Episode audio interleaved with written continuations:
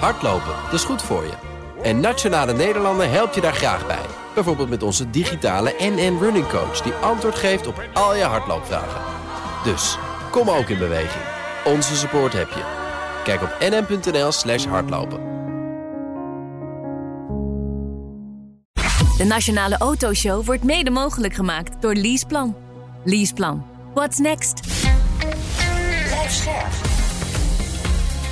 BNR Nieuwsradio. De Nationale Autoshow.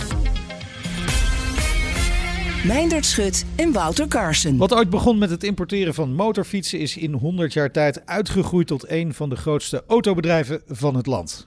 De Lauman Groep, natuurlijk bekend als importeur van Toyota en Lexus. Ja, nog een paar merken inderdaad. En ze doen veel meer en ze is zelfs een eigen museum. En daar zijn wij nu te gast. Mooi toch? Precies. Gaan we Ja. een uurtje praten. We gaan, eh, we gaan praten met Erik Lauwman, president van de Lauwman Groep. Ja, normaal zeggen we altijd welkom, maar nu is het eigenlijk andersom. Meer dan welkom hier bij ons in het mooie museum. Ongelooflijk leuk om jullie hier te hebben. Ja, en fijn dat je ons wil ontvangen in dit museum. Eh, hoe vaak kom je hier zelf? Ik kom hier eh, niet genoeg, maar de afgelopen twee weken ben ik hier heel vaak geweest. Vanwege En, het eh, 100-jarig bestaan. Vanwege het 100-jarig bestaan, om dat samen te kunnen vieren. En ja, vorig jaar, of, vorige week hebben we dat dan ook echt in ontvangst kunnen nemen dat we koninklijk zijn geworden. Ja. Eh, ja, waanzinnig. Dus eh, ik heb hier met een grote smile iedere dag tot 's avonds laten gezeten. Ja, maar dat wordt dus wel al het briefpapier vervangen, hè? Met een kroontje erbij. Dat klopt. Ja. Maar eh, gelukkig doen we niet meer zoveel in briefpapier. En vooral elektronisch. Maar dat wordt zeker vervangen. Ja. Er staan hier natuurlijk een heleboel auto's. Ken je ze allemaal die hier staan? Ik ken ze vrijwel allemaal. Ja? maar ik zal je een geheimje verklappen. Ik heb dit keer voor het eerst een auto gezien die ik nog nooit had gezien. En Oh. Zo gaat het in familiebedrijven. Er wordt niet altijd heel erg open gecommuniceerd. Dus eh, eh, ik zag een auto staan. Ik zei van, god, wat is dat voor een auto? Erik, hè? En dat was eh, mijn oom. Erik, dat is de Moon uit 1923. En dat is de, een van de eerste merken die we verkocht hebben. En nou, dat was nog niet in onze geschiedenisboeken beschreven, maar hij Hmm. wist het natuurlijk als geen ander. Dus ik heb een nieuwe auto gezien. Hebben jullie die wel eens gezien, de Moon, of niet? De Moon, nee. Ja. nee, nee, nee. Gaan we We- zo meteen even moeten kijken. wij We, langs leren iedere dag Ja, weer wat ja, bij. precies, Tenminste, precies. dat proberen we toch. Maar de, het, het, het zijn er wel veel hier. Hoe, hoeveel staan er hier? Ik denk dat wij er hier zo'n 260 hebben staan. Ja. Eh, we hebben nog een ander automuseum. Hè. Dus we Ja. twee automusea. Dus ik kan jullie vertellen, net als jullie beiden, dat we een ongelooflijk liefhebber zijn van, eh, van auto's. Ja. En eh, we hebben ook nog wel een secret stash, een geheime opslag ergens staan voor, eh, ja, om mensen te blijven verrassen in het museum. ja. Maar de- dat is niet de Secret Test in Raamsdonk-Veer? Of, of, of, nee, nee, dat is het tweede museum. Dat is het, ja, ja, er- is nog is- een andere plek. Ja. Man, het staat hier helemaal vol. De hele... Daar zou ik nou wel eens een kijkje willen nemen. In die secret stash. Toch? Soms is dat eh, leuker. Ik was eh, even een kleine zijstap bij, bij, bij Seat. Die hebben ook eh, zeg maar, een historische hallen. Niet dat die nou zo'n enorme historie hebben, maar ze hebben wel alles. En daar hadden ze een, een kleine zijloodje. En daar stonden dus de, de projecten opgeslagen. En dan zie je natuurlijk soms, als zo'n auto 50 jaar is gebruikt... en wat minder liefdevol aan het einde van de Ah, ja. Dat is best een project om op te knappen. Maar dat, dat was inderdaad wel heel grappig om dat in combinatie eh, te zien. Ik moet wel aangeven, ik weet het dan in ieder geval van deze geheime opslag. Maar van die Moon wist ik niets. Dus ik weet ook nog niet zeker. Nee, er er is nog een geheime opslag. Nee, ja. Er staat nog een schuur bij iemand achter in de tuin. Ja, komen we Eh, vanzelf achter. Eh, Ja. Is er een favoriete auto? Of is dit vragen naar de fa- het favoriete kind? Ja, ik weet wie mijn favoriete kind is. Ja? Maar, ja, nee. Nou, ben ik zelf wel benieuwd naar. Ze luisteren dit toch niet. Maar Nee, dat is, dat is heel ingewikkeld eh, van wat is je favoriete. Er zijn zoveel soorten auto's en elke auto heeft weer een andere, een andere belang, zeg maar even, wat het voor je betekent. Dus eh, ik heb een klassieke auto die ik voor het eerst reed. Dat is Ja. voor mij een hele bijzondere. en dat is? Ehm, dat is de Lagonda, een 1935 Lagonda. Die eh, Le Mans gewonnen heeft. eh, Ah, ja. Nadat Alfa Romeo volgens mij vier of vijf keer achter elkaar gewonnen heeft. ja. En ehm, nou, dat ging, ik zal jullie kort toelichten hoe dat dan gaat in zo'n familie. Eh, mijn oom belde s- s'avonds op van... God, is morgen iemand uitgevallen. Wil je misschien meekomen rijden? En nou, dat leek me wel leuk. Zeven uur 's ochtends stond ik daar. Nog een beetje de kater weg aan het werken. En hij introduceerde deze auto. Zei, Dit is de Lagonda Le Mans 1935. 4,5 liter, 6-cilinder motor. Ehm, hij heeft Le Mans gewonnen. Ongelooflijk kostbaar. Let erop. Oh ja, één belangrijk ding. Het gas zit in het midden en de rem zit rechts. Dus ging door, eh. Ja, ik wil, daar zat ik net aan te denken. Want ik heb ooit in een, in een T-Ford eh, gereden. Dat was een stuk minder kostbaar. Maar dat was inderdaad... Ik weet het niet eens meer. Maar het was inderdaad het gas in het midden. En de koppeling en de rem was ook iets geks mee. De koppeling moest je intrappen eh, om te ontkoppelen. Oh Nou, ja. Het was Ja. allemaal heel erg dat je denkt, het lukte toen wel, maar ik kan me voorstellen, als je dan een dag rijdt ja. in zoiets, dat je dan is het Het niet eh, kostte misgegaan. bijna met mijn huwelijk, maar Ja. we hebben het gered. Hè? Dus, eh, Nou, het is eigenlijk een beetje als links rijden, terwijl je altijd gewend bent om rechts te rijden natuurlijk. Als je er maar over na blijft denken, dan gaat het goed. maar, gas en, als je eh, gas en remmen doen- is nog echt wel een stukje lastiger, ga ik je Ja, vertellen. dat geloof ik wel. Dat Ja. geloof ik wel. Ja, ja. Is er ook een tijdsperiode waarvan je zegt van nou, dat is eigenlijk wel mijn favoriete periode? Want jullie hebben hier natuurlijk ontzettend veel eh, staan uit verschillende tijdvakken. Ik, ik hou ongelooflijk veel van innovaties. En eigenlijk zie je dat rond 1900, toen de automobiel eigenlijk nog geen vaste vorm had. Dus alles moest nog opnieuw bedacht worden. Dat was voor mij echt een hele leuke periode. Als je daarover praat, dat doe ik ook altijd met veel passie. Eh, waarin eigenlijk nog niet duidelijk was, worden het elektrische auto's, stoomwagens. Eh, hoe zit je eigenlijk? Hè? Zitten je passagiers voor je, tegenover je, achter je? Ja. Eh, de vorm, moet die dicht of open? Eh, alles was nog onduidelijk. Een stuurwiel, dat had, die hadden de eerste auto's niet. De dingen Nee. die we allemaal vanzelfsprekend vinden. Ja. En, en dat allemaal in een heel kort tijdsbestek van zo'n 15 jaar, dat al die veranderingen plaatsvonden. Ongelooflijk leuk. En eigenlijk zitten we nu ook in een tijd waarin we net zo goed ongelooflijk veel wijzigingen zien. Misschien ook in een tijdsbestek van 10, 15 jaar, waarin die hele automobiel opnieuw wordt eh, gedefinieerd. Het, het, het is wel interessant, want ook, ook in die periode was er natuurlijk ook gewoon de elektrische auto. En de elektrische auto heeft het afgelegd op actieradius. Ja. En eh, het, het niet zo handig met, met weer volgooien. En eigenlijk de Hij, uitvinding hij van... begon in New York wel heel goed, hè? omdat de dames niet van al dat geluid en die stank eh, hielden.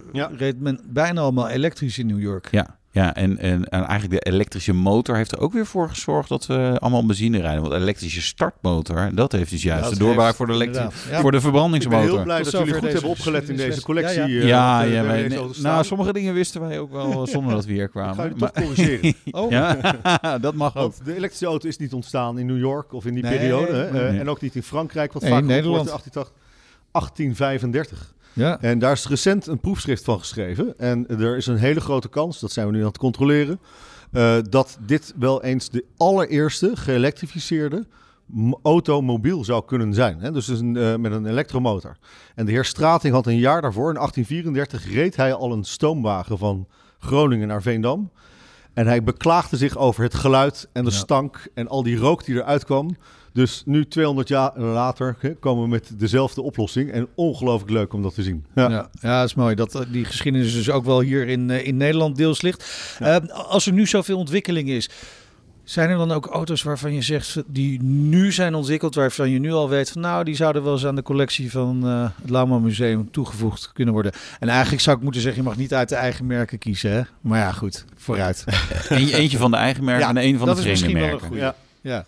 Nou, eentje die we hier nog niet in het museum hebben staan, eh, maar die wel op die plek eh, zeker verdient, is eh, een auto die jullie een keer bespraken toen jullie met Evert Lauwman eh, bes- eh, spraken. Dat Ja. is de Prius. Ach, de Mona Lisa 1997. onder de auto's. Nee, de Michelangelo van automobielen. Ja. Het was namelijk een uitvinder die zijn tijd ver vooruit was. En ik zat dat nog eens een keer na te luisteren, ook door dat 100-jarig bestaan. Maar wat hij niet vertelde is dat die auto, de Prius, geïntroduceerd werd in een tijd dat ook de Hummer geïntroduceerd werd.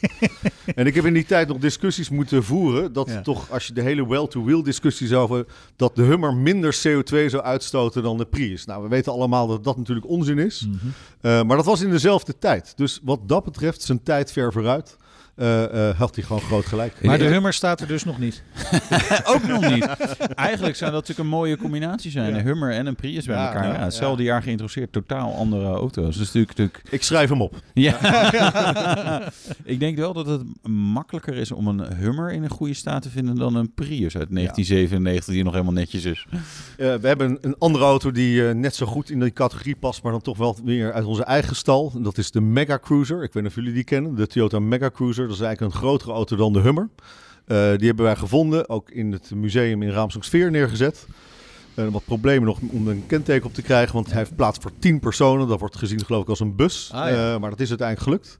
En dat is een ongelooflijk een auto die inderdaad naast die Prius uh, prachtig past. Ja. Nee, het is inderdaad uh, meer dan 10 personen of meer dan 9 personen dan Ja. een ja. touringcar. Zitter. en, en ik weet het omdat ik ooit een collega had bij, waar, waar het achtste kind kwam.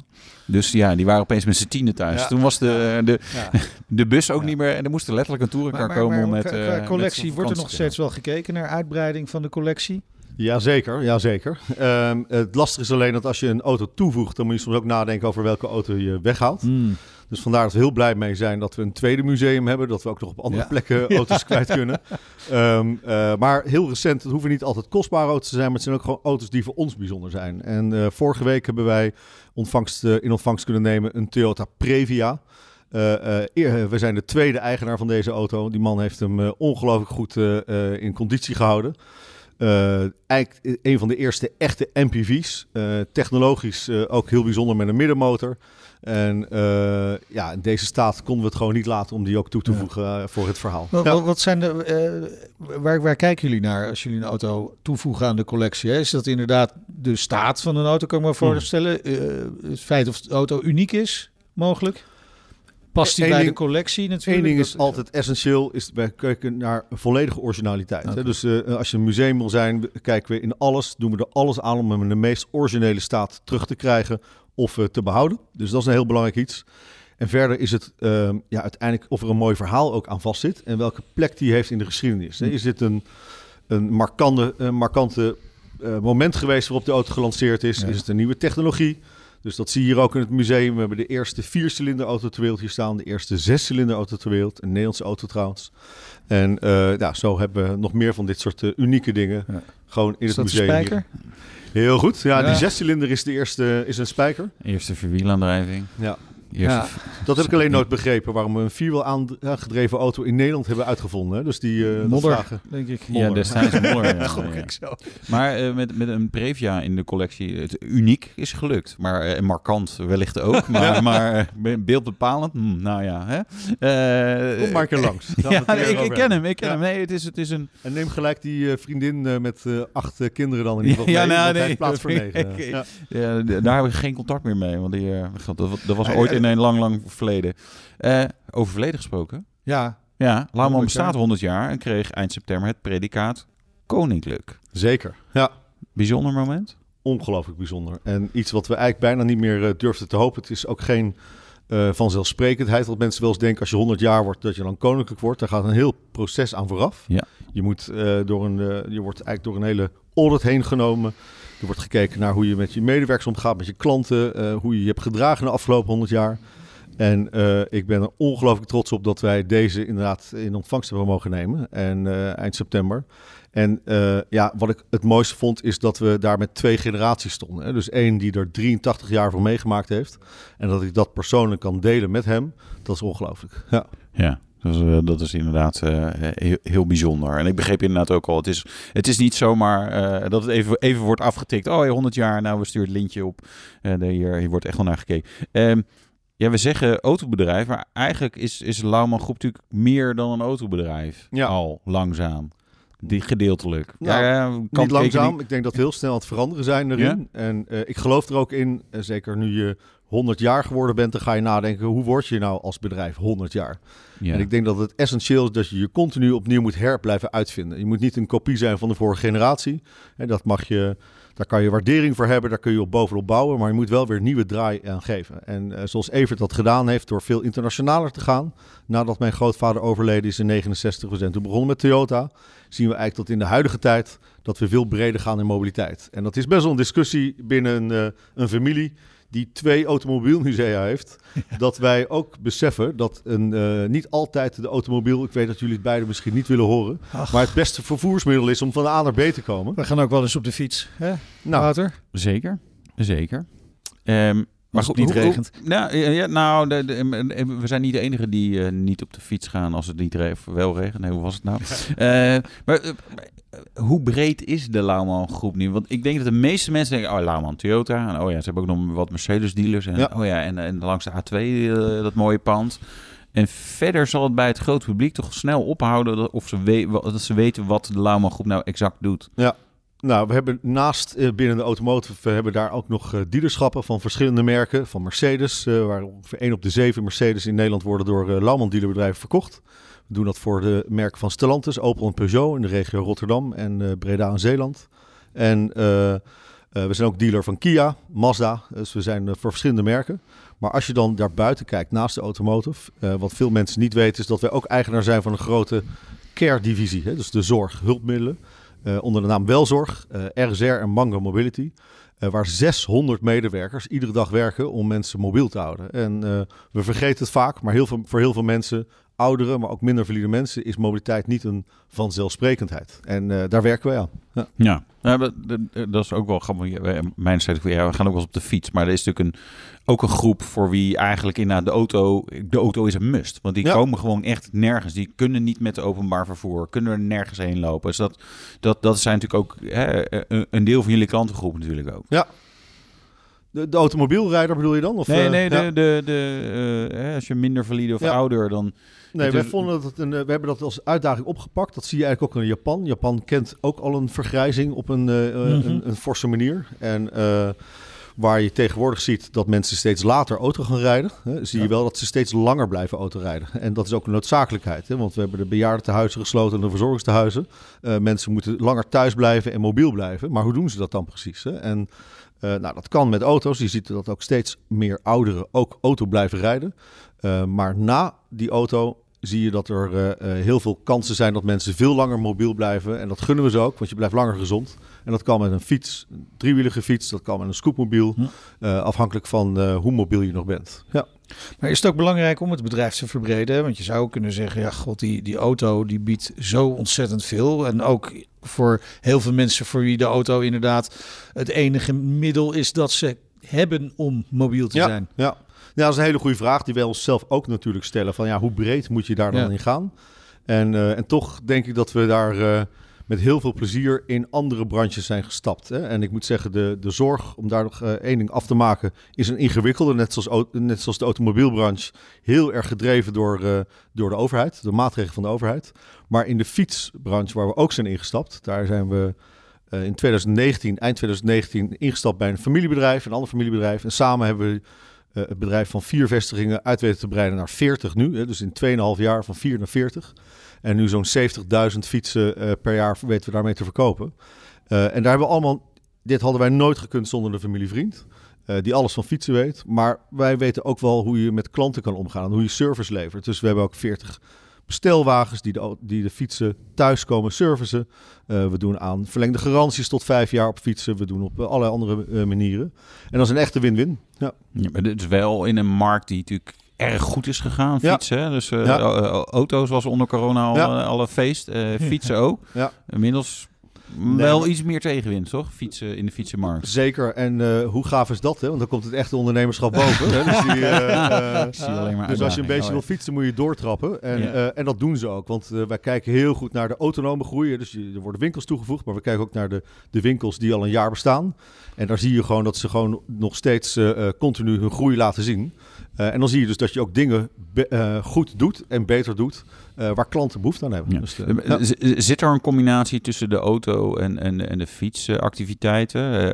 Uh, bijvoorbeeld fietsen die je dan ook bij een dealer verkoopt? Of is, is het echt nog wel los van elkaar? Dat hebben we tot op heden nog weinig gedaan. Maar dat is ja. wel waar we naar kijken. Want uiteindelijk achter, nou, laten we zeggen dat in een huishouden iemand een leaseauto heeft... en misschien dan nog een tweede auto. Daar zitten misschien nog twee kinderen achter. Dus je hebt misschien vier fietsen...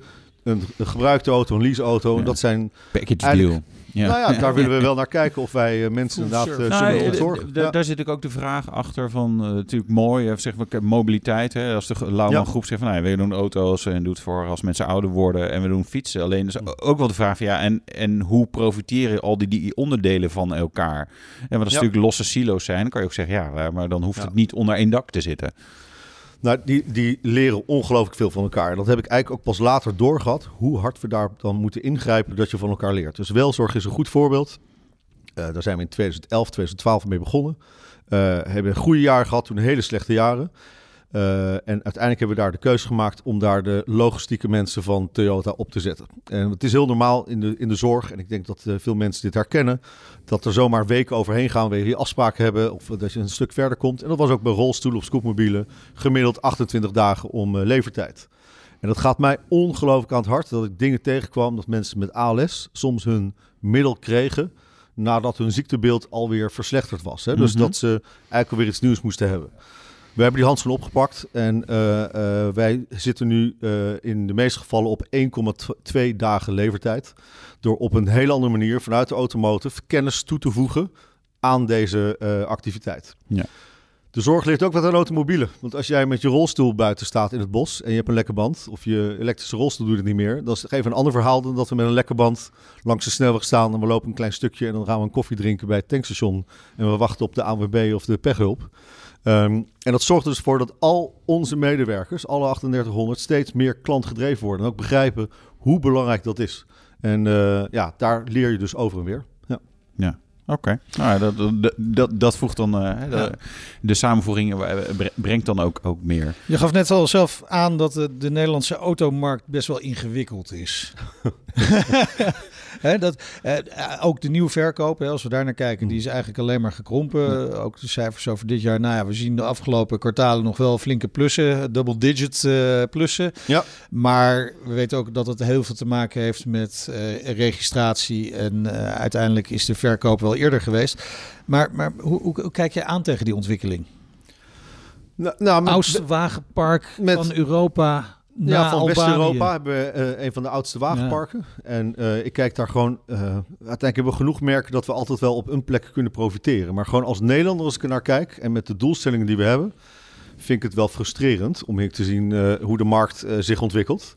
Ehm, je ziet dat eigenlijk de CO2 gemiddeld van het wagenpark aan het stijgen is. Ja. De ouderdom neemt toe. En dat is het eigenlijk allemaal niet wat we willen. En we hebben in de tussentijd wel miljarden geïnvesteerd. Dus ja, Als dat is iets waar we, mee, ja. waar we mee te maken hebben. en Waar we op, op ons moeten eh, aanpassen. Dat doen we dan ook. Want uiteindelijk, hè, wat de klanten willen, dat is voor ons belangrijk. Dus wij importeren heel veel gebruikte auto's. Omdat de nieuwmarkt eigenlijk te klein is om de tweedehandsmarkt voldoende te vullen. Dus Ja. wij halen letterlijk duizenden Toyota's, Lexussen en andere merken vanuit het buitenland naar Nederland. Om dan toch nog relatief jong gebruikte aan, eh, aan klanten te kunnen voorzien. Ja, maar dat is natuurlijk niet wat de overheid voor ogen had. Ja. Nee. Nou komen de verkiezingen aan. Wat Ja. zou het advies zijn aan eh, een nieuw kabinet? Nou, ik hoop, ik, ik, wat ik hoop is dat we teruggaan naar eigenlijk volgens mij hoe het zou moeten zijn. Dat een overheid de lange termijnvisie inricht, een punt op de horizon plaatst. En dan is het aan het bedrijfsleven om daar dan te komen. Met een Hmm. eh, voldoende voorbereidingstijd dat we dat kunnen doen. Dat zien we ook gewoon in Azië, dat zien we op andere plekken. Daar wordt dat op die manier ingevuld. Ja. In Nederland heb ik wel eens het idee, en met mij ook meerdere ondernemers in de automotorbranche, dat je eh, eigenlijk een- als bedrijfsleven de lange termijn invult. Eh na Ja. wil denken waar het naartoe moet. En dat we kortstondig door heel veel maatregelen in de wielen gereden worden, om het dan maar zo Ja. te zeggen. Maar goed, als we het ook over Azië hebben, dan gebeurt dat. Die visie wordt ook neergelegd door landen die zelf een automobielindustrie hebben. Zeker. Nou hebben wij wel qua toeleveranciers, maar Ja. is het niet een illusie dat de internationale auto-industrie gaat luisteren naar wat hier op een steenworp verder in het Binnenhof wordt ge- gezegd? Ja, maar volgens mij eh, is de doelstelling van een lagere CO2 en lagere emissies natuurlijk leidend. Ja. En daar is het eh, misschien zelfs een voordeel als je geen auto-industrie hebt. Hè? Maar die doelstelling moet je dan wel neerzetten. En eh, daar komen we steeds verder van vandaan. Ja, de doelstelling is er wel, maar er zijn eigenlijk geen ondersteunende maatregelen. Nee, nou ja, Ja, weet je, ja, nee, we, hebben natuurlijk wel wanneer ja, 2030. Ja. Dus er een soort streven dan misschien helemaal geen benzineauto's meer. Maar als je natuurlijk nu ziet wat er feitelijk gebeurt. Ja, ik zal je een voorbeeld geven van, eh, van lange termijn denken. En eh, in Toyota staat er denk ik bekend om lange termijn denken. In 2011, 2012 was ik daarheen gegaan samen met Evert Lauw met z'n tweeën.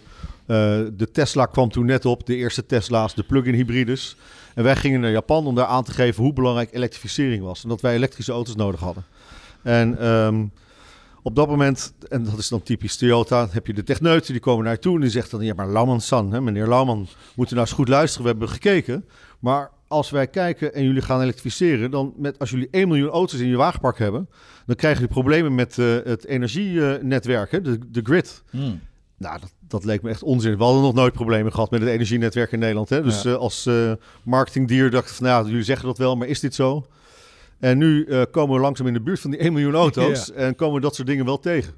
Zij dachten daar alleen al aan 11 jaar geleden. Hè? En dat is het eigenlijk wel wat je nodig hebt om het goed in te richten. Dus eh, ehm, ja, eh, het is niet de eerste keer dat ze uiteindelijk op lange termijn gelijk hebben gekregen erin. Ja. Ja. Gaan ze dan ook nog gelijk krijgen in waterstof? Dat weet ik zeker.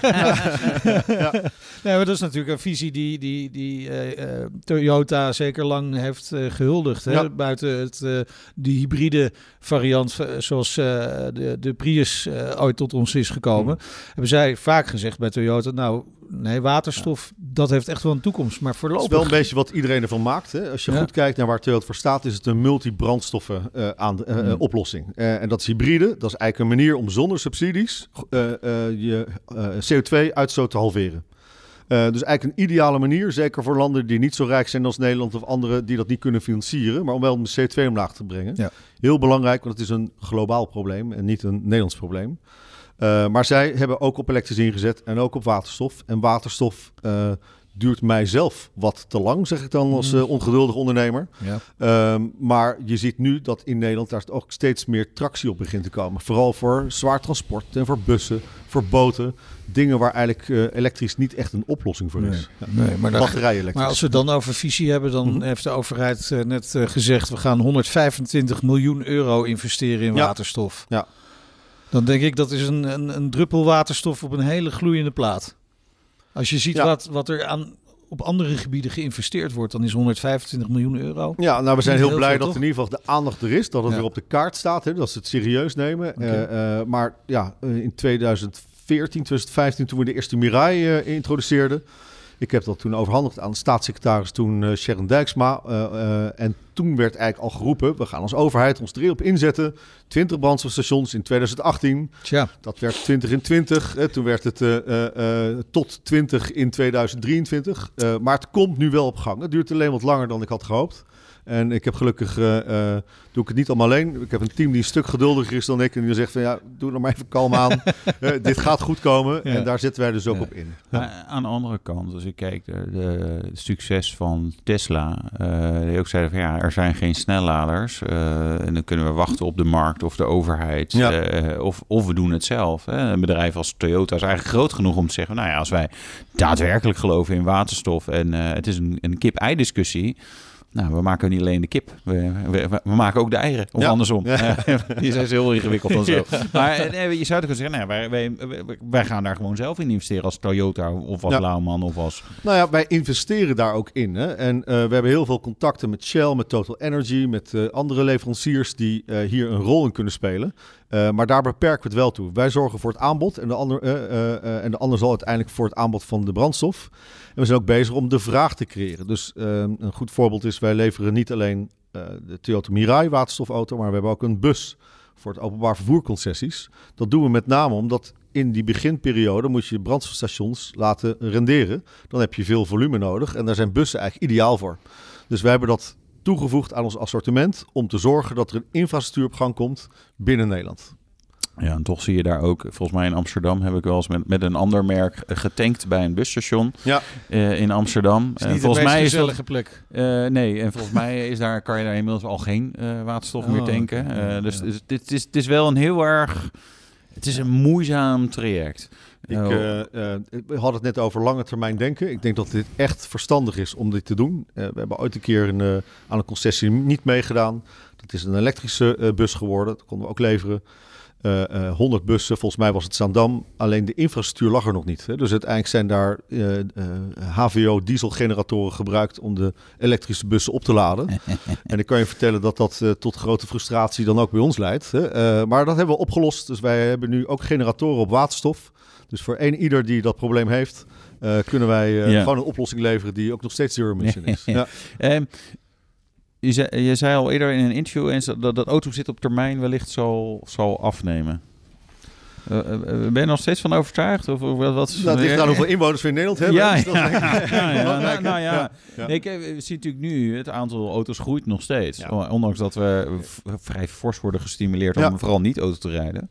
Ik maak me, eh, eh, nou, wij houden van auto's, dus vanuit dat perspectief maak ik mij zorgen over hoe binnensteden toegankelijk blijven voor automobielen. hè. En als mensen dan in die binnenstad wonen, kunnen ze zich dan nog een automobiel veroorloven? Waar gaan ze die dan parkeren? Hoe Ja, gaan ze daar precies? Parkeernormen gaan Dus naar daar zou het 0,3 bijvoorbeeld. Ja, en nog lager in nog Utrecht lager, eh, hebben we dat al gezien. Ja. Eh, en ja, dat is uiteindelijk een keuze eh, van de kiezer, hè, wat ze daar precies in willen hebben. Eh, maar ik denk dat eh, naast de automobiel en dat mensen misschien eens een keer niet een tweede auto hebben, maar dat misschien met één auto uit kunnen en dat aanvullen met andere mobiliteitsvormen. Dat zie ik wel gebeuren. Ehm, al blijven het aantal kilometers van auto's, dat weet ik eigenlijk wel zeker, dominant in de, in de komende periode. eh, dat, eh, voor het aantal ja, vervoerskilometers. En waarom is dat? Omdat het je precies brengt van waar je, eh, van waar je vertrekt naar waar je wil Ja, zijn. Eh, ja. Dus eh, eh, je weet ook eh, dat je het behoorlijk kunt plannen wanneer je dat wil. Je kunt je spullen achter in de auto laten. Je hebt je eigen vrijheid. Het is ook wel een, eh, voor heel veel mensen, ook als er een file is, nog steeds een moment waar je gewoon heel even ook op jezelf kan zijn. En dat wordt alleen nog maar fijner in de toekomst. Hè. Als er meer autonome technieken gaan komen, heb je nog meer tijd hè, om daar in, eh, in, eh, in voort te brengen. Ja. Ja, het zit gewoon als een jas, hè, zo'n auto. Dat is gewoon lekker. Een soort van, nou ja, nee, kijk, de argumenten voor een au- auto zijn natuurlijk eh, heel duidelijk. Maar eh, jullie verkopen natuurlijk ook fietsen en gaan met eh, de micromobiliteit eh, Ja. aan, aan de slag. En een fiets brengt je ook exact van waar je bent eh, naar waar je naartoe wilt. Dus je bent ondertussen wel zeiknat geregend potentieel, maar dat is micromobiliteit dan weer, weer sterker in. Dus, dus Ja. nou ja, er, staat wel wat te gebeuren, denk ik, in de toekomst. Wij leveren voor iedereen, eh, iedereen wat. Ja. Eh, de, de luisteraars kennen Lama natuurlijk als, als de importeur Ja. van eh, Toyota. Ja. In de toenmalige EEG. Zo, nou, het heeft Wikipedia even opgezocht hoe het toen ook alweer heette. Hè? Hoe heette de voorgangers? Dat, moet je, dat zoek je ook nog even op. Unie van kolen en staal. ja, precies. Heel volgens goed. mij. Ja, ja. Namen jullie destijds een groot risico om Toyota te gaan... eh, Ja, mensen vergeten dat wel eens. En nu je zo terugkijkt in die 100 jaar, dan ga je die verhalen ophalen hoe dat dan precies was. En eh, mijn grootvader de, eh, had het bedrijf, we deden vooral in Duitse en in Engelse merken. De kwaliteit daarvan in de jaren 50 eh, hield te wensen over, laat ik het netjes zeggen. van een van die twee nationaliteiten nog steeds. Maar Hmm. Maar dan is het eh, belangrijk om opnieuw te kijken van welke mogelijkheden zijn er. En eh, hij was ook nog steeds importeur van het merk Dodge. hè, en Ja. eh, durfde niet te vliegen. Ging geregeld met de boot van Rotterdam naar New York. Met de trein naar Detroit. Om daar een beetje armpje te worstelen over de prijzen. Want dat is aan Nederlanders wel dat, is, dat is nog eens onthaasten qua Nou. reistijd. Het, eh, die vorige generaties zijn veel beter gehad. Eh, maar er is een moment geweest, eind jaren 50, waarin hij de trein gepakt heeft naar de West Coast. Met de boot over de grote oceaan naar Japan. Eh, daar Japan binnenkwam. En Japan is nog steeds een heel bijzonder land. Ik, denk, ik weet niet of jullie hier ooit geweest zijn, maar het is een eiland en een cultuur eh, van een andere wereld bijna. Maar dat was in de jaren 50 al helemaal zo. Die hadden nog nooit Engelse taligen gezien. Eh, het eten, wij, wij kenden natuurlijk nog geen sushi of teppanyaki of al dat soort zaken. Dus hij kwam daar in een wereld eh, die volledig eh buitenaards voor hem was. En heeft daar met meerdere merken gesproken, waaronder Datsun en een paar grotere merken. Maar hij is eigenlijk gelijk verliefd geworden op Toyota. In een provinciestad, tegenwoordig 6 miljoen inwoners in Nagoya. Maar dat was het enige merk wat tegen hem zei, we zijn nog niet klaar. De kwaliteit willen we eerst nog op orde brengen. eh, en alle anderen wilden eigenlijk gelijk hoeveel wil je er hebben. ja, ja. En, En dit eh, was in de jaren 50. dit was in de jaren 50. We hebben acht jaar volgens mij aan die deur staan kloppen. En uiteindelijk hebben we in eh, 1963 de eerste auto's kunnen bestellen. Die werden geleverd in 1964. En dat was het begin van een eh, waanzinnig verhaal samen. En eh, nu bijna 60 jaar. Eh, een eh, ongelooflijke innige relatie Volgend van jaar twee weer een feestje dus. Volgend jaar weer een feestje. Ja. maar, maar in, in, Ja. in, eh, 64 werden er 90 Toyota's verkocht in Nederland. Was, was dat op dat moment dan, dan veel? ja, dat was, het zijn natuurlijk nee, andere dat was niet getallen veel. dan- dan volgens mij in die tijd eh, was, waren de autoverkoper, maar dat moet ik ook aan jullie vragen, eh, waren eigenlijk nog zeer substantieel. Hè? Ja. Er werden eh, al honderdduizenden auto's verkocht. En ja, iedereen dacht, die man is gek geworden. Wat moet je Ja. in godsnaam met een auto uit Japan? Hè, dat was de andere wereld. Niemand ging naar Azië op vakantie ook, of iets een anders. land, laten we zeggen, een land dat natuurlijk aan de Zeker, verkeerde kant ja. heeft gestaan in de Tweede Wereldoorlog. Ja, ja daar hebben speelde meer ik landen last van, zegt Ja, er maar nee, bij. Maar ik abso- absoluut, maar Ja. Eigenlijk ik alle, denk dat- alle auto, bijna alle, Alle autoproducerende landen. Nou, nee, maar spe- speelde dat een rol bij, bij Ja, dat is voor opinie? mijn tijd. Eh, Dus de, eh, ik kan dat niet helemaal bepalen, maar ik Nee. heb eh, in mijn jeugd dat wel eens nog gehoord. Hè, dat bij sommigen dat dat dan speelde.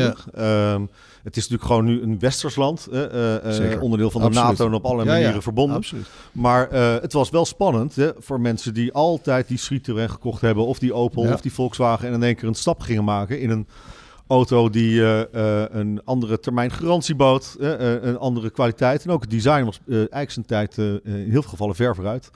Jaren 70 begon de echte groei. Ja. Ook door de oliecrisissen, waarin mensen ook gingen kijken naar... zijn het ook nog eens een keer eh, eh, energiezuinige, dus brandstofzuinige auto's. En, Maar eh, waar ja, was Toyota dat toen al?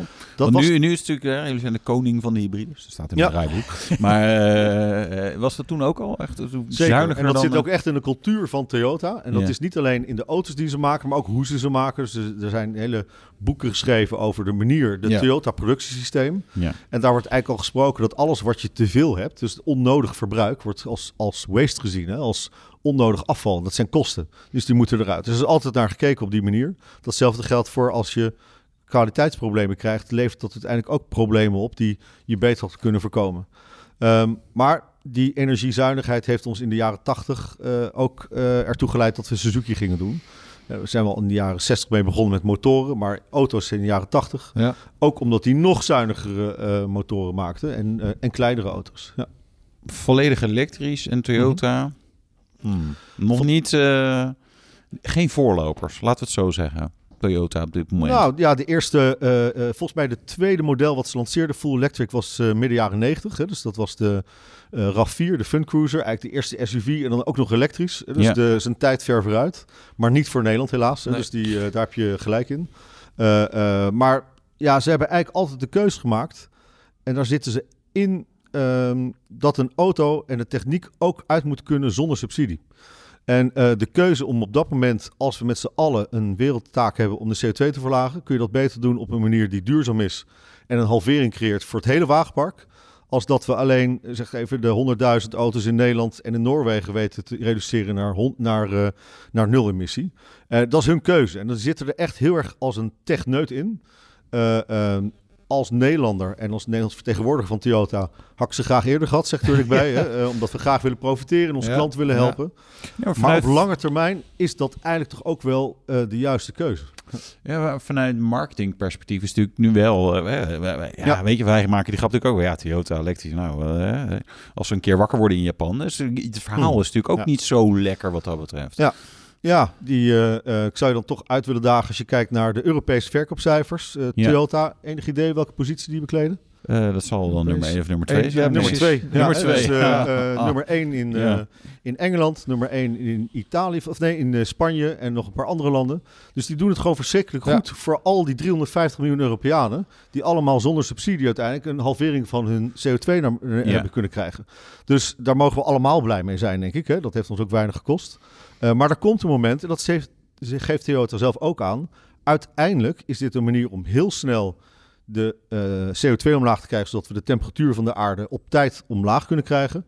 Eh, maar we kunnen ook eh, naar zero emission. En daar is waterstof en batterij elektrisch Ja. zeker een oplossing door die gaat komen. Maar is het dan zo dat nu inderdaad batterij-elektrische auto's eh, zonder subsidie eh, rendabel zijn? Want als we nu kijken naar Nederland, zien we toch het, de verkoop van elektrische auto's behoorlijk dalen.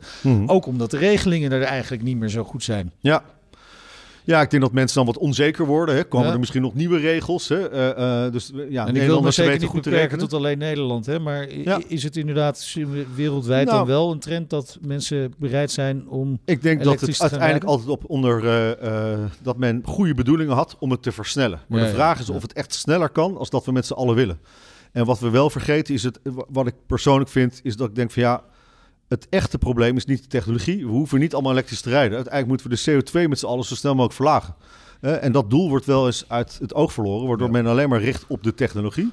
Eh, dat is een heel belangrijke Middel wordt voorwaarde. het doel, bijna. Precies, Ja. ja. En, eh, maar je hebt nu gezien, om dat dan toch maar aan ieder, ieder te vertellen, dat Toyota vol bezig is om die versnelling aan te pakken. Omdat ze toch zien dat Europa ook door wetgeving uiteindelijk een versnelling wil forceren. Dat zien we ook in Amerika gebeuren. En eh, eh, ze zijn volgens mij met een tien modellen bezig in eh, voor 2026. Eh, Toyota weet dat zeer gedecideerd te doen. En nou, ik heb daar een klein blikje van kunnen zien. En dat stemt ons zeer gunstig, ook voor Nederland. Ja. Ja.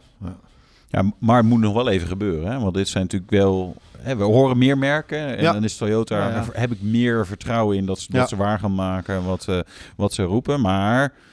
Ik heb, ja, ik heb dit- goed nieuws. Toyota is niet zo goed in marketing, zegt er weer bij, in communicatie. Hè, dus het feit dat ze dit zeggen, betekent alleen maar dat het nog duidelijker is dat het echt zo is. Ja, ja, ja. Eh, en ehm, Ja, dat, en ook uiteindelijk omdat ze intrinsiek gemotiveerd zijn om er wat aan te doen. Dus een heleboel doen het om zich aan de regels te houden. Eh, we komen toch weer terug bij die Prius. Toyota is begonnen omdat ze zelf aangaven... de olie raakt één keer op. Dus wij moeten uiteindelijk naar een andere oplossing. En dat voel je in al hun genen zitten dat ze dit op willen lossen. En eh, uiteindelijk geeft ze ongelijk met meerdere technologieën hè, eh, de CO2 verlagen. En eigenlijk klopt hun lange termijn plan voor de rest van de wereld eigenlijk gewoon prima. Ja, toch zit er een conflict in. Zeg maar, wa- wel waterstof doen, wat eh, zeg maar zonder subsidie en, Ja. en 125 miljoen voor tankstations. Mhm. eh, eh, en terwijl voor benzinetankstations betalen eh, andere mensen heel veel geld om ergens eh, te mogen exploiteren. Ja. Eh, en, eh, en dan nog elektrisch zeggen van, nou ja, daar, moet, daar, ja, ja, daar wachten, wachten we nog even mee. Dus, eh, voel, voel je het conflict, zeg maar, in, eh, in, in, in waterstof wel? Nee, maar ik proberen denk dat jij net zo ongeduldig bent als ik. Hè? Dus Ja. die, eh, eh, ik, zie, ik zie daar niet conflict. Het is voor Nederland. Hè? Dus we kijken vanuit perspectief, is het laat? Dus dan hadden we het graag sneller gehad. Daar zou ik niet omheen draaien. Maar als je gewoon kijkt op wereldschaal... Hè, en uiteindelijk heel... we zitten met 18 miljoen inwoners in het grote Europa van 350 miljoen. Maar er zijn ook gewoon landen als China met anderhalf miljard en India anderhalf miljard. Dus het zijn natuurlijk is een wereldprobleem. Dit is niet lokale milieuvervuiling. En eh, daar, eh, eh, Toyota is de grootste automobielfabrikant ter wereld. Hè, en heeft de grootste aantallen geëlektrificeerde auto's. Alleen die, gaan, laten zich niet gek maken door die waan van de dag. Misschien was daar ooit de kans toe geweest, hè, maar dan hebben we wel heel stabiel beleid nodig dat ze daarvoor kunnen produceren. Dus zij Ja. moeten iets doen, onafhankelijk van subsidies, dat dat uiteindelijk ook gewoon een business case is. Ja. Misschien wordt een ander Mhm. bedrijf wel de grootste autofabrikant ter wereld. Zou zomaar uit China kunnen komen. Eh, straks meer over BYD, het Chinese BYD. En de toekomst van, eh van Lauwman. Maar eerst even tijd voor de... De pijlstok. Ja, de pijlstok. Af en toe halen we weer uit de, uit de kast, eh, Wouter. En de vraag is dan, waar ik altijd mee begin. Waarmee rij je normaal dagelijks? Ja, bij mij zal je niet verrassen. Ik, ik, ik wissel mijn auto heel vaak. Ja, En, eh, eh, maar ik, ik pak niet iedere keer een auto uit het museum, wat wel tempting is om te ja, doen. ja. Op dit moment rijd ik een Lexus RZ, een elektrische Lexus. Eh, juist ook om in, dit is een van de eerste elektrische auto's van op een dedicated platform van Lexus, om die zelf te ervaren. Mhm. En het is dus heel normaal om mij of in een Yaris te zien rijden, een BYD Atto Ja. 3 of een BYD Tang, om eh, uit te proberen de nieuwste technologieën, de nieuwste manieren. En eh, tot grote frustratie van mijn teams eh, kom ik dan gelijk met een lange lijst met verbeteringen. Oh, van ja. god, dit kunnen we volgende keer doen, dit kunnen we doen. En eh, daar haal ik heel veel plezier uit. Ja, dat is ook wel aardig voor de klanten. Dat je altijd kunt zeggen, ik rij hem zelf ook. Zeker, ja, ik heb hem zelf gereden. Ja, precies. Ik heb hem zelf ook. Nu niet meer. maar- Ja, als geld geen rol speelt, zeggen we normaal eh, Ja. gesproken. Maar, maar ja. Als iemand eh, een museum vol heeft. Ja, museum voor, nou, misschien, misschien juist iets wat niet in het museum staat. Zeg maar, is er nog iets waar zeggen, ah ja, dat, dat zouden we of in het museum willen hebben. Of zou ik, zou ik zelf gewoon nog als Hmm. auto een droomauto erbij willen hebben? Als je kijkt naar het museum, ehm, er zijn wat geruchten dat er een hele oude waterstofauto is. hè. En ik zag zelfs een document dat zelfs in 1918 al de eerste waterstofauto reed. hè. Dus ook dat is niet nieuw. Nee. Eh, dus stiekem heb ik daar wel een wens voor om die ooit nog eh, te vinden. En toe te voegen aan het museum. En eh, is- de reden daarom hoef ik jullie niet uit te leggen, denk ik. Ja. Ehm, eh, nee, maar uiteindelijk autorijden, ik denk dat iedereen, eh, dat gaat niet om of het duur of waardevol is. Uiteindelijk kun je gewoon ongelooflijk plezier hebben met een auto. En een van de auto's die ik eigenlijk iedere zomer wel rijd, is een Suzuki Cappuccino. Om dan maar even een heel ander soort auto te pakken. Eh, heeft een rechts gestuurd, eh, eind jaren 90, eh 660 cc. 0,67. Ja, ja. Eh 16 klepper. Eh, ja, eigenlijk is het een, eh, een auto onder, de, eh, onder het A-segment in Nederland. Eh, je kan hem als cabrio, als eh, convertible, als targa kun je hem rijden.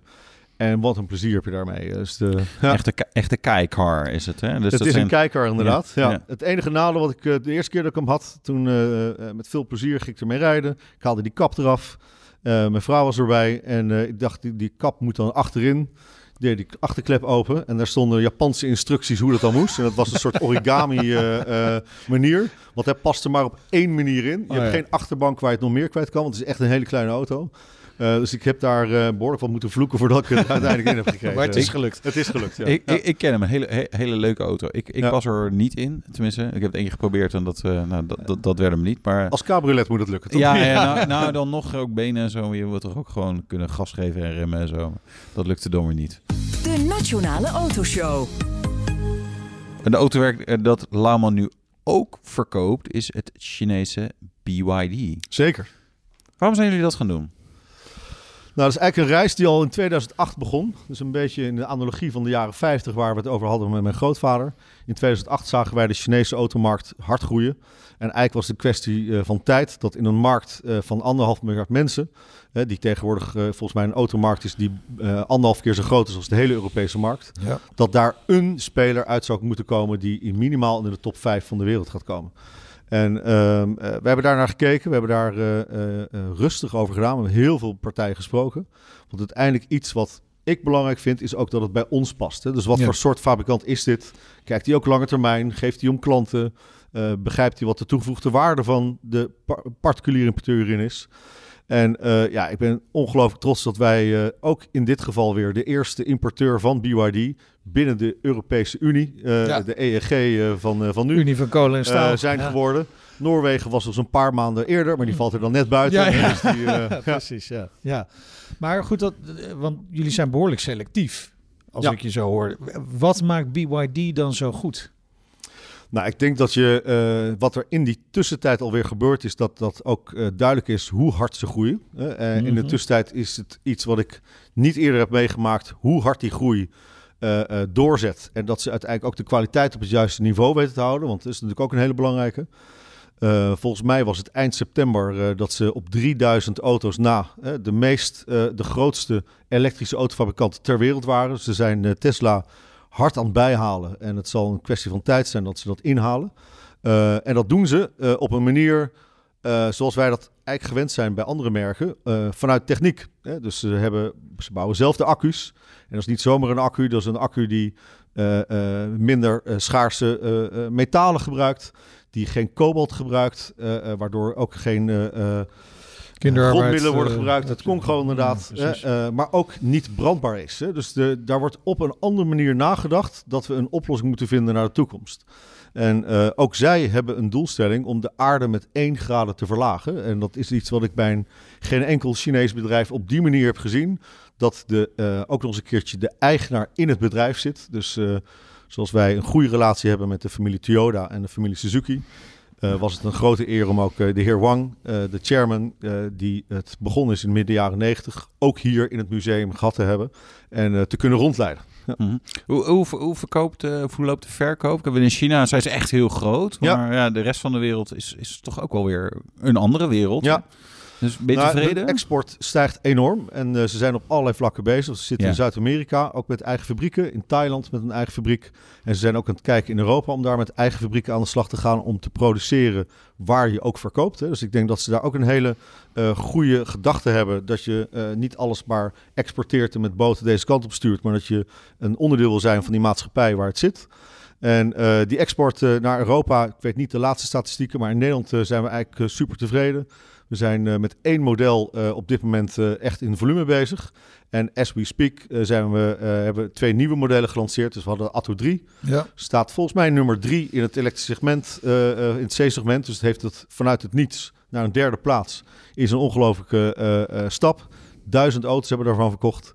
En we gaan nu met de Seal aan de slag. Een soort Tesla Model 3 alternatief. Uh, uh, met allerlei voordelen. Maar volgens mij uh, heb je hem recent al gereden, Wouter. Yes. En daar komt ook nog een Dolphin bij. Ja. Een auto onder, een beetje aan de onderkant. Die levert al zijn vanuit 29.900 euro. En daar gaat nog eens een keer subsidie af. Hè, als die ook volgend jaar gecontinueerd wordt. 3000 euro. En dat betekent wel dat we elektrisch rijden bereikbaar gaan maken voor de algemene consument als je me 27.000 euro uit kan geven aan een auto, wat Ja. iets meer is dan een gemiddelde huishouden. En dat Kan begrijp ik heel goed. En daarvoor zorgen we ervoor dat dat ook op Ja. een maandtarief op een andere manier eh, kan Ja, plaatsvinden. ah, private lease Ja. wordt die Ja. eh, aantrekkelijk voor. Welk marktaandeel mikken jullie op in Nederland? Want de duizend is, is leuk, maar Ja. als ik dan even die andere, die Amerikanen kijk, die verkopen iets meer auto's Ja. in de maand. Kijk, iedereen praat altijd eh, over, over aantallen. En eh eh, eh, BYD is zeer ambitieus. Eh, op lange termijn zal het mij eh, niet verbazen dat wij eh, twee automerken in de top drie eh, kunnen vertegenwoordigen. En, eh, en ik denk dat dat zo rond 2030 al zal zijn. Dus die ambitie is groot. Maserati en McLaren. Morgen. Ja. Maar eh, Maserati kwam ook met elektrische auto's. Ja, dus ja, dat is waar, je ja. weet het niet. Ja, Ja. ja, ja. Nee, dus je verwacht, de, de, de BYD moet top 3 speler worden Ja. in Nederland. Ja, en eigenlijk zijn hun ambities zelf op wereldschaal groter. Uh, maar uiteindelijk aantallen is niet één ding. Hè? En je ziet, uh, uh, dat is ook wel discussie die... wat zij ook heel goed begrijpen, je wil dit opbouwen voor de lange termijn. Dus het gaat niet over dat we heel korte termijn heel veel verkopen. Nee, dat je langzamerhand steeds meer klanten blij maakt. En uiteindelijk kom je daar dan ook. Nou, bij Toyota heeft dat...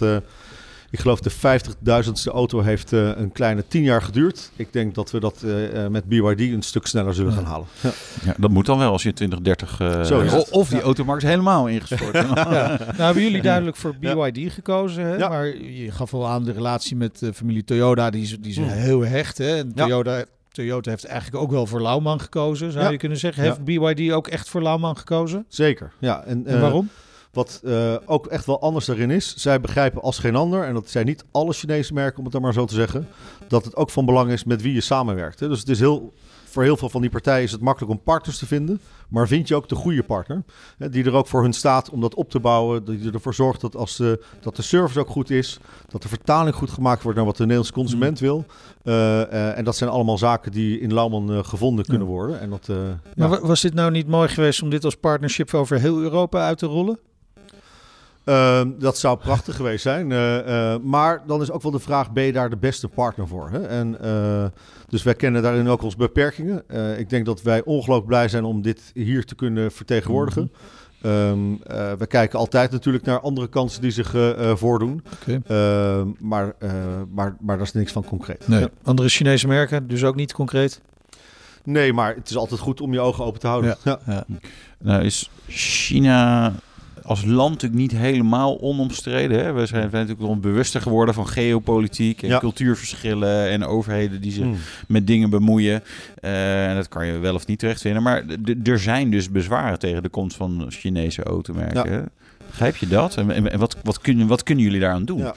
Nou, kijk, geopolitiek is wel een lastige discussie om daar je helemaal te mengen als bedrijfsleven. Eh, natuurlijk eh, is het voor ons ook van belang dat een auto op de juiste manier geproduceerd wordt. Dat Ja. mensen op de goede manier met data omgaan en dat soort zaken. Dus heel veel van dit soort dingen eh, bespreken wij ook heel goed met de fabrikant. En dan wil je ook een fabrikant die je vertrouwt in de acties die hij neemt, dat dat dan ook daadwerkelijk gebeurt.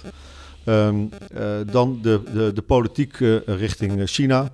Kijk, een stuk hiervan, het was op een andere manier, maar zijn we ook in de jaren tachtig tegengekomen. Op dat moment dacht men, Japan gaat de wereld domineren. Hè? Eh, de exportmachine was aan, Ja. iedereen was er bang voor. Er waren allerlei eh, demonstraties in Amerika en in Europa. Er waren zelfs nog importrestricties in eh, Frankrijk Ja, en liepen Spanje, allemaal et met een Japanse Walkman rond. Ja, maar de auto kon niet. Hè? En uiteindelijk hebben we daar, en dat was eigenlijk een heel mooi moment, een, een heel mooie manier om daarmee om te gaan. Eh, de families van importeurs van Japanse producenten op dat moment. Dan had je de familie Brandsteder die Sony deed. En de familie Lauman en de familie Lorette eh, met Mazda. Die hebben samen de handen ineen geslagen om te kijken hoe kunnen we ervoor zorgen dat we uiteindelijk ook meer gaan exporteren naar dat land. Hè? Dus, eh, en daar is een vereniging voor opgericht, bestaat nog steeds. En dat heeft er ook voor gezorgd dat de twee landen elkaar beter gingen begrijpen. En ik denk dat dat wel een rol is die we kunnen spelen.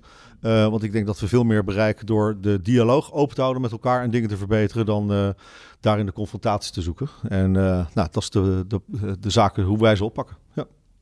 En zou dat dan ook bijvoorbeeld moeten betekenen dat uh, BYD in, in Europa moet gaan produceren? Om ook gewoon te, zien, te laten zien van, nou ja, wij hè, we, verschepen het niet alleen maar vanuit China ja. en verdienen we geld aan. Maar we brengen ja. hier ook meer dan alleen maar de producten? Nou, uh, ook BYD denkt niet vanuit de manier van wat moet, hè, maar die willen het ook zelf. Dus die kwamen eigenlijk al zelf met uh, de wens om hier te produceren. Ze produceren trouwens al uh, verschillende producten hier. Maar auto's hebben ze aangekondigd om minimaal één fabriek op korte termijn te gaan lanceren. En ja, als je eigenlijk tussen de regels leest, willen ze zich committeren in een grotere manier om een, een, bijpassende infrastructuur hier neer te zetten. Dat Europese producten door Europeanen worden gebouwd. En ja, dat er geen onnodige export- en transportbewegingen nodig zijn. Nou bestaat Lauwman 100 jaar. Mhm. Eh, geweldige prestatie natuurlijk, ook voor een familiebedrijf. Eh, als we dan even naar voren kijken, want we zien toch steeds meer eh, partijen, ook in de automotive, die direct selling gaan doen eh, aan, eh, aan klanten. Eh, Tesla is er natuurlijk heel veel, heeft er heel veel van geprofiteerd. Er zijn ook wel weer uitdagingen mee. Is dat een van de grote uitdagingen voor, voor Lauwman in de toekomst? Ja, nee, eigenlijk. Ik begrijp, we horen dat heel vaak. En er Ja. zijn heel veel veranderingen gaande. We werken ook met verschillende fabrikanten die andere eh, eh, conclusies hebben getrokken. Maar ik geloof er ongelooflijk in dat er altijd een rol is voor een klant, eh, voor een persoonlijke relatie. En die moet je ruimte geven. Dat moet soms tegen lagere kosten. Dat moet op een efficiëntere manier. Maar dat willen klanten ook. Die willen meer dingen online doen. Die willen meer dingen zelf doen. Dat faciliteren we ook. Dat doen we ook op die manier. Eh, maar ja, dit jaar hebben wij eh, een, eh, een cadeau eigenlijk gekregen. Dat was misschien wel het mooiste cadeau voor 100 jaar. Dat van het, het meest klantvriendelijke autobedrijf van, van dit jaar. Daar zijn we helaas tweede geworden met Suzuki. Maar we zijn met Toyota nummer 1 geworden. Dus dat we en nummer 1 en nummer 2, dan betekent wel iets dat we op de goede weg bezig zijn in ieder geval. Ehm, daar passen we wel ieder keer ons systeem op aan. En eh, ehm, de komende periode zal die relatie steeds belangrijker worden, omdat heel veel mensen zich ehm, om moeten draaien naar elektrificering. Dus denk aan eh, de ondernemer die voor het eerst 10 busjes moet neerzetten. Ja, die moet daar ook bij geholpen worden. Voor ons, eh, wij, wij weten allemaal hoe dat werkt. Maar als je voor de eerste keer je elektrische auto of een waterstofbus wil gaan gebruiken, hoe doe je dat dan precies? En eh, daar kunnen wij bij helpen. Dat willen we ook in ontzorgen. Hebben we in het verleden gedaan bij de plug-in hybride Prius, waar we eerder over spraken. Ja. Wij waren de eerste die daar een standaard laadpaal bij deed. Dat was op het moment dat Tesla nog de laadkabel als accessoire los bij verkocht. Ehm, en, maar dat die, is echt die, kon je super, die kon je superchargen bij een eigen... Ja, ik daar, dat- zat, de- daar, daar zat de kabel aan vast. Ja, er waren andere fabrikanten waar ze soms nog in het plastic achterin zaten. Misschien hebben ze daar vandaan gehaald, dat weet ik niet. Nou ja, sprak ik ook een, een Prius plug-in rijder die niet zo tevreden was, want zijn accu ging kapot. En dat is heel duur om te vervangen, begreep ik. Dus dat Nou, zijn ik we spreek hem graag. Ja? Ja. Oké, ja. Zal, zal hem doorsturen. Ja, kan. Als ik zijn gegevens nog ergens heb, ik geen idee. Eh, Wat, wat wordt de grootste uitdaging voor de, voor de komende, nou, laten we 10 jaar, want 100 jaar vooruitkijken, 100 jaar Dat is wel heel lang, inderdaad. Ja. Ik denk de komende tien jaar wordt eh, eh, een grote uitdaging hoe we uiteindelijk, eh, als de overheid sneller wil dan de industrie kan, en dat is niet alleen de automotive industrie, maar ook of de energiemaatschappijen het aankunnen, hoe we dat bij elkaar gaan brengen. En we willen met z'n allen zo snel. Eh, hoe, gaan we dat, eh, ja, hoe gaan we dat coördineren? Dat is echt wel een, eh, een spannende, spannend iets. Iets waar we ook afhankelijk zijn van andere partijen. Dus we zullen ook samen moeten werken erin om dit voor elkaar te krijgen. En daar maak ik me ook, om eerlijk te zijn, best wel zorgen om. Of we dit zo op die manier voor elkaar gaan krijgen. Ehm, ja. Eh, en dus zowel genoeg stroom, zeg maar, Zo is het, de capaciteit, maar ook de vraag vanuit de klanten die natuurlijk, eh, nou ja, als, als het maar aanjagen met subsidie, dan willen mensen wel elektrisch rijden of plug-in hybride of, of iets anders. Groen gas hebben we ook nog gehad, Ja, 70% geen- bijtelling. ja, ik begrijp wat je zegt, maar we hebben het over tien jaar. En ik denk dat over tien jaar er geen reden is hè, om eh, zonder subsidie niet gewoon competitief dit soort dingen te kunnen aanbieden. Ja. Dan, dan zou je ook kunnen zeggen van, nou, laten we dan nog even wachten met elektrificeren en eh, dat- tot het eh, gunstig is. Ja. Eigenlijk wat Toyota natuurlijk een beetje de kat uit de boom keek. Nee, dat is net iets anders. Hè? Want ik denk dat dit eh, een typisch Nederlandse reactie is. Van dan, dan besparen we wat geld. Maar uiteindelijk gaat het niet om het geld. Het ging erom dat we de CO2 zo snel mogelijk voor willen verlagen. Om de opwarming van de aarde tegen te gaan. Hè, Ja. Dus het is, heeft geen zin om stil te zitten. We moeten alleen kijken hoe we dat zo snel mogelijk omlaag gaan krijgen. En eh, nou, daar zijn andere oplossingen voor. Die heeft Nederland dan niet gekozen. Dus als die richting dan is om versneld naar zero emission te gaan. Dan moeten we ook zorgen dat we dingen eh, gaan organiseren. Dat dat ook gerealiseerd kan worden. Ja. Ja. Ja. een belangrijke missie om de aarde door te geven aan de volgende generatie. Eh, eh, er zit misschien ook nog wel een missie eh, hier om, om Lauwman door te geven aan een volgende generatie. Ja, ja zeker. Blijft het een familiebedrijf? Nou, dat weet je natuurlijk nooit. Ik heb wel een kleine belofte gedaan die de toekomstige generatie mi- misschien niet, waar ze niet blij mee zullen zijn. Nee, eh, wij hebben in drie generaties eigenlijk zijn we 100 jaar geworden. Eh, nou, in Japan hè, maken ze businessplannen voor 250 jaar. Dat is heel normaal, dat is lange termijn. En eh, dus 250 jaar en elke generatie doet 25 daarvan. Hè, dus je hebt 10 generaties nodig en dan heeft, heeft het bedrijf zijn doelstelling gehaald. We hebben er 33 jaar over gedaan, dus wij willen minimaal 333 jaar oud worden. En nou, we zijn nog niet op een derde, dus Nee. ik, ik kijk er naar uit hoe we dat gaan doen. Spannend. Ja, mooi. Dus het businessplan voor, eh, voor de komende 233 jaar, dat, dat is in de maak. Kijk je er ook naar uit hoe we dit eh, gaan invoeren of niet, eh? Zeker, zeker. ik weet niet of ik er nog bij ben dan. Zeker dat is nog de- een keertje ja. over in gesprek. Ja. Eh, zeker als de autoshow ook 100 jaar bestaat. Wie weet dat we dat nog eens gaan halen. Dank voor dit mooie gesprek. eh, en hopelijk spreken we elkaar in de toekomst inderdaad nogmaals. Eh, Erik Lauwman, president van de Lauwman Groep. En dit was de Nationale Autoshow. Terugluisteren kan via de website, via onze app. Maar ook via een podcastplatform naar keuze. Ja, abonneren maar. Volg ons Twitter, Facebook, Instagram, LinkedIn. Doe wel Snapchat en TikTok. Dat is een oud, eh, een oud jongen. Je bent de jonge generatie. Ja, dat de nieuwe generatie Broekhoff Ja. gaat eraan Ja, beginnen, denk ik. precies. Ik ben Meijnerd Schut. En ik ben Wouter Karsen. Tot volgende week. En eh, vergeet in de tussentijd niet naar onze midweekse podcast te luisteren. hè. Breek de week. Gelijk even abonneren. De Nationale Autoshow wordt mede mogelijk gemaakt door Leaseplan. Leaseplan.